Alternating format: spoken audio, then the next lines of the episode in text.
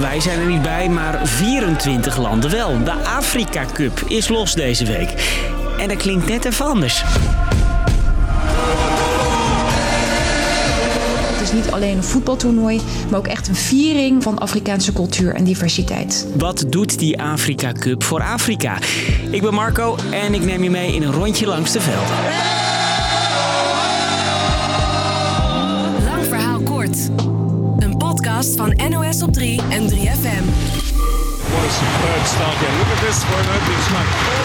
Dit weekend trapte gastland Ivoorkust de Afrika Cup af tegen Guinea-Bissau. We have big respect for Senegal. Elke twee jaar strijden de Afrikaanse landen om de Gouden Cup. Vorige keer won Senegal. En daar voelen ze de spanning wel. Oh ja, absoluut, absoluut. Dat, dat merk ik echt eh, aan alles. Zegt correspondent Saskia Houttuin, die in Senegal woont. Langs de grote wegen hier heb je allemaal billboards waarin Les Lions de la Teranga, de leeuwen, zoals het Senegalese team hier wordt genoemd, eh, succes wordt gewenst. In de winkels vind je overal uh, spelershirts en vlaggetjes en vuvuzela's. Wacht, z- zei je nou Vuvuzela's? Die is er nog steeds en die hoor je ook eh, vooral inderdaad als er eh, wordt gescoord. In 1957 was de Afrika Cup er voor het eerst. Dus drie jaar eerder dan bijvoorbeeld ons eh, Europees kampioenschap.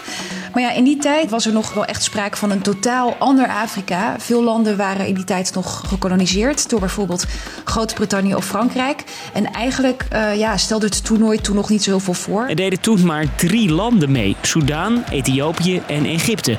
En was zo klaar dus. Steeds meer landen werden in de jaren erna onafhankelijk. En door het toernooi kwam er een beetje binding tussen al die Afrikaanse landen. Ik las een stukje van een toespraak van een van de oprichters van de Afrika Cup. En die heeft in de jaren zeventig nog gezegd: ehm, ja, dit is een manier voor ons om aan eenheid te werken op het continent. En of we nou Franstalig, Engelstalig zijn of eh, Arabisch spreken, we zijn allemaal authentieke Afrikanen. En inmiddels zitten de meeste Afrikanen bij een wedstrijd aan de buis gekluisterd.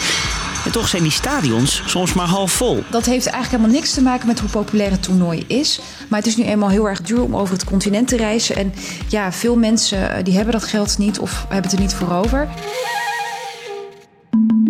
Dit toernooi betekent voor veel voetballers met Afrikaanse roots terug naar het continent.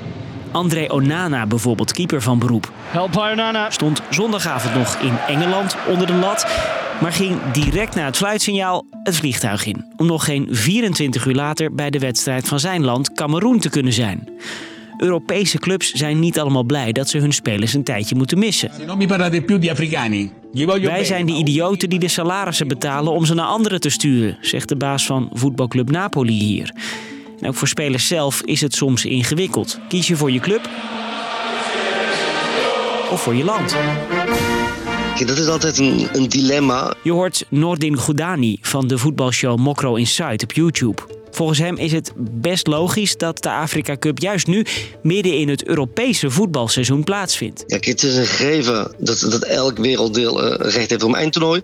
Nou, in Ivoorkust was het lastig qua weersomstandigheden om het in de zomer te doen, dus doe je het in de winter. En volgens hem kunnen clubs hier ook profiteren van het toernooi daar. Even een voorbeeld, Saibari bijvoorbeeld bij PSV eh, doet het fantastisch, eh, maar is nog geen 100% eh, vaste baasspeler. Nou, ik denk dat als hij in de Afrika Cup gaat spelen en het goed doet, dan eh, stijgt zijn transferwaarde. Dus PSV krijgt gewoon een betere speler terug. En volgens correspondent Saskia verdwijnt die discussie eenmaal in Afrika al snel naar de achtergrond. Dit is gewoon het toernooi van het Afrikaanse continent. En daar wil eigenlijk gewoon iedereen bij zijn. In Ivoorkust is dat voetbalfeest in volle gang. Bijzonder warm welkom voor de volgende wedstrijd. Zo'n toernooi organiseren, dat is best een klus. Denk alleen al aan de veiligheid. Want bij de vorige editie in Cameroen ging het behoorlijk mis. Tijdens een wedstrijd kwamen acht mensen om toen ze het stadion binnen wilden komen. Ja, dat zit ook wel zeker op het netvlies nu van de organisatoren in eh Ivoorkust. Daarom zijn er voor dit toernooi 17.000 agenten en militairen ingezet. De hele rekening voor Ivoorkust gaat sowieso over een miljard. Onder meer voor de bouw van uh, vier nieuwe stadions en ook de renovatie van twee stadions. Uh, maar dat is niet alles. Ze hebben ook uh, rondom deze Afrika Cup de luchthaven onder handen genomen. Er zijn nieuwe wegen aangelegd, er zijn nieuwe bruggen gebouwd. En daar heeft uiteindelijk natuurlijk de hele bevolking iets aan. Ook is de hoop dat na zo'n toernooi meer toeristen het land ontdekken. En er wordt een hoop geïnvesteerd in voetbalopleidingen. En in tweede instantie wordt hij wel heerlijk binnengerost. Voor de goaltjes dieven van de toekomst. Wat een goal zeg! En ook artiesten scoren erop los met hit na hit. Muziek is heel erg belangrijk op het Afri Afrikaanse continent.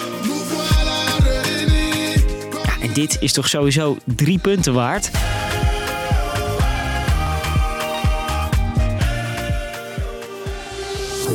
Dus lang verhaal kort. De Afrika Cup is in volle gang. Het zorgt voor veel gemopper bij Europese voetbalclubs, die daardoor hun spelers even moeten missen.